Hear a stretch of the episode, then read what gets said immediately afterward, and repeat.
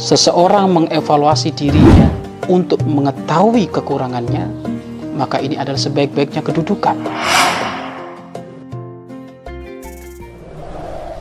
Ayo gabung program wakaf tanah dan bangunan Al-Bahjah Buyut. Hanya 200 ribu per meter. Bismillahirrahmanirrahim. Assalamualaikum warahmatullahi wabarakatuh. Alhamdulillah wassalatu wassalamu ala rasulillah habibina wa syafi'ina wa maulana Muhammad sallallahu alaihi wasallam wa ala alihi wa ashabihi wa tabi'ina lahum bi ihsanin ila yaumiddin. Amma ba'd. Sahabat-sahabat fillah yang dimuliakan oleh Allah Subhanahu wa taala mahalnya kepekaan dalam hidup. Hidup peka itu mahal dan sangat penting. Kuncinya ada tiga. Satu Jangan biasa menunda-nunda dalam hal apa pun. Dua, biasakan dalam hal apa pun berpikir terlebih dahulu. Dan tiga, hindari cuek-cuek dalam hal apa pun. Sahabat-sahabat fillah yang dimuliakan oleh Allah Subhanahu wa taala. Untuk memotivasi kualitas kehidupan kita maka perlu adanya untuk meningkatkan kepekaan kita. Baik kepekaan lingkungan kepekaan kinerja kepekaan di dalam berorganisasi dan kepekaan di dalam bermasyarakat. Karena orang yang hidupnya peka ini adalah orang yang hidup dengan memiliki sifat agung baginda Nabi Muhammad SAW al-fatona. Fatona itu adalah kecerdasan yang diimbangi dengan kepekaan yang lebih atau kepekaan yang diimbangi dengan kecerdasan. Sehingga dalam hal apa pun ia bisa menangkap oh solusinya seperti ini. Oh penyelesaiannya adalah seperti ini Bahkan orang yang peka itu ngerti kapan ia bertindak, kapan ia tidak bertindak. Sehingga sampai diceritakan termasuk kecerdasan baginda Nabi Muhammad SAW dan kepekaan baginda Nabi Muhammad SAW di saat orang kafir Quraisy pada pada ribut saling mengajukan diri untuk meletakkan batu hajar aswad ada di Ka'bah mereka semuanya berkata, siapa kira-kira yang layak untuk meletakkan ini? Maka mereka semuanya angkat tangan. Kubu saya yang layak. Organisasi saya yang layak. Marga saya yang layak. Mereka semuanya berebut seperti itu.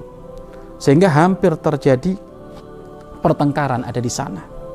Maka akhirnya ada di antara mereka berkata, yang layak adalah ayo kita semuanya sepakat yang pertama kali masuk Masjidil Haram yang pertama kali masuk pintu Masjidil Haram maka itulah nanti yang layak menaruh hajar aswad di Ka'bah.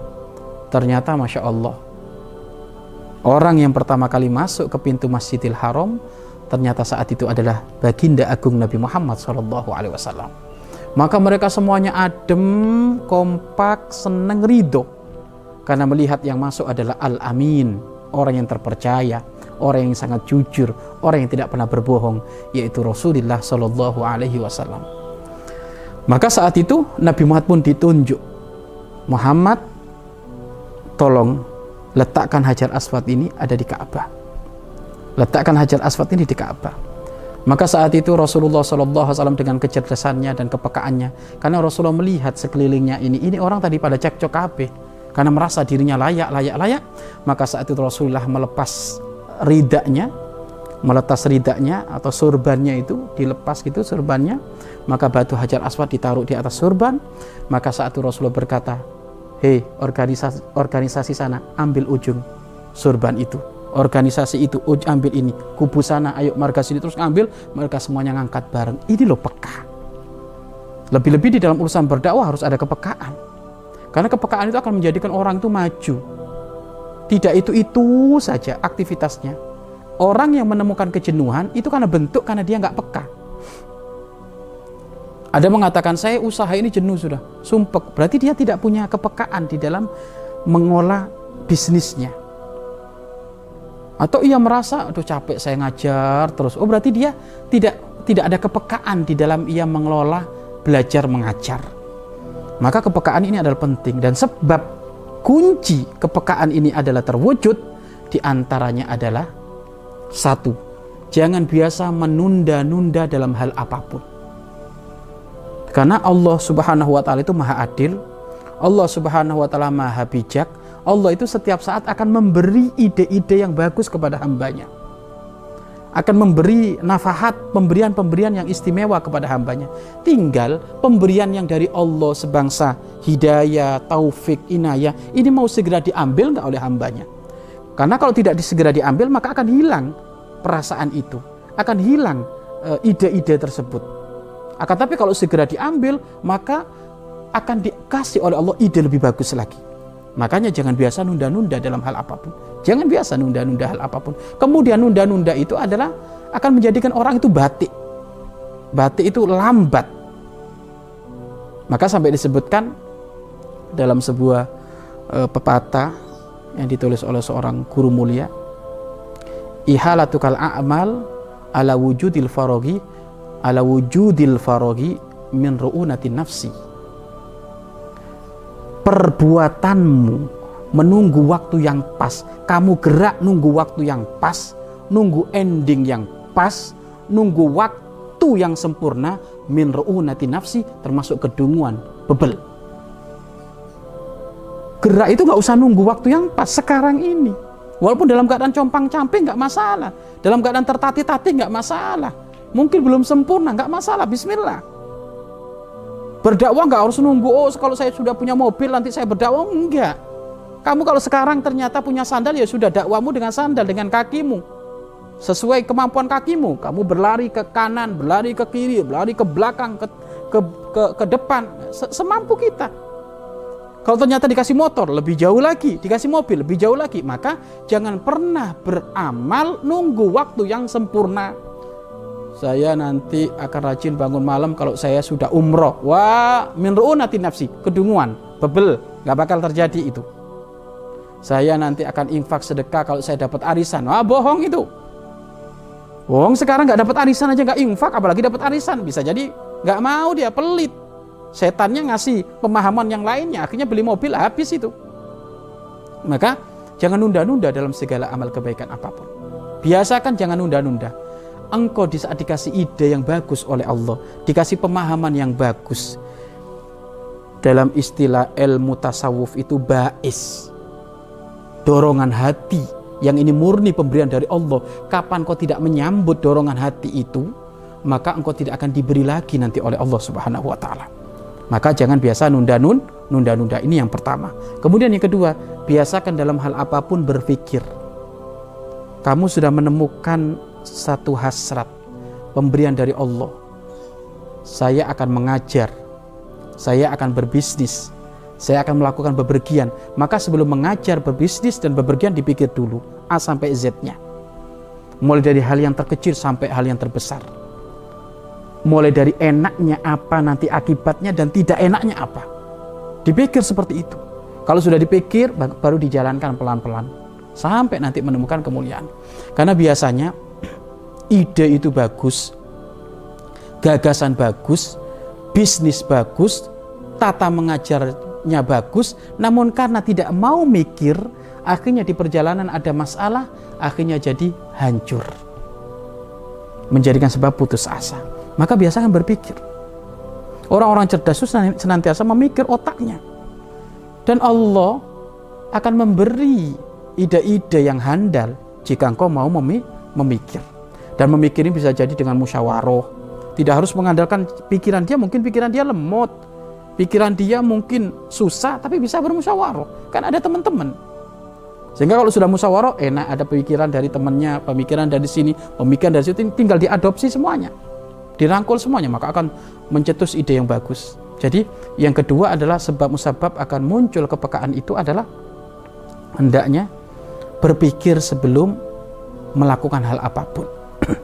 Lah setelah berpikir segera dilakukan. Kemudian yang ketiga, buang kebiasaan cuek. Buang kebiasaan cuek. Ada orang itu, aduh itu urusan dia. itu urusan dia. Udahlah biarinlah ah ini kebiasaan cuek bahaya ini. Rasulullah Shallallahu Alaihi Wasallam tidak pernah mengajarkan sifat cuek dengan sesama manusia. Bahkan dalam urusan kesalahan pun kita tidak boleh cuek. Yang melakukan salah siapa? Yang melakukan salah orang lain tapi kita nggak boleh cuek. Apa? Memberi nasihat tidak sempurna imanmu jika engkau belum mencintai orang lain seperti hanya engkau mencintai dirimu sendiri. Belum sempurna imannya. Maka kalau ada orang lain melakukan kesalahan kok kamu nggak punya rindu untuk memberikan nasihat? Imanmu belum sempurna. Lah makna dari hadis baginda Nabi Muhammad tersebut imannya belum sempurna sehingga kita mencintai orang lain seperti kita mencintai diri kita. Maknanya apa? Jangan cuek. Cuek itu bahaya, mati rasa cuek itu. Nggak ada kepedulian tuh bahaya itu, nggak ada kepedulian.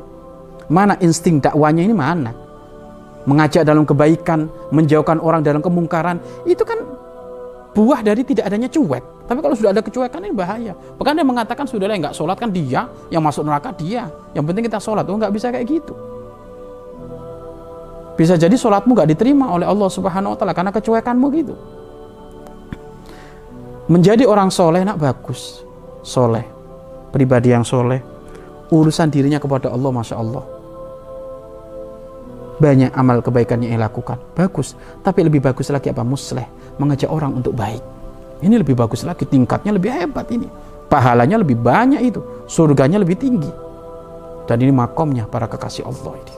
Musleh ini makomnya para kekasih Allah para kekasih Allah. Maka ayo kita tingkatkan kepekaan hidup kita dengan masyarakat kepekaan hidup kita di saat kita bertata usaha kepekaan hidup kita di dalam organisasi dan kepekaan hidup kita di dalam urusan berdakwah, kepekaan hidup kita di dalam kita mendekatkan diri kepada Allah Subhanahu wa taala. Bahkan orang yang peka itu ia akan akan mengantisipasi kayaknya saya sudah mulai menemukan kejenuhan. Kalau sudah mulai kejenuhan, ia harus pindah seperti ini. Harus pindah seperti ini sehingga setiap hari adanya tambah kebaikan. Setiap hari adanya tambah kebaikan, kebaikan, kebaikan sampai nanti menghadap kepada Allah Subhanahu wa taala. Maka ayo jadilah diri kita orang yang peka, memiliki sifat fatona, kecerdasan yang penuh dengan kepekaan, kepekaan yang penuh dengan kecerdasan, seperti sifatnya baginda Nabi Muhammad SAW dengan cara satu, jangan biasa nunda-nunda, dan dua, berpikir yang matang, yang matang sebelum bertindak, dan yang ketiga, hilangkan sifat cuek dalam diri kita. Wallahu a'lam bishawab. Mari berinfak untuk operasional lembaga pengembangan dakwah Bahjah Buyut.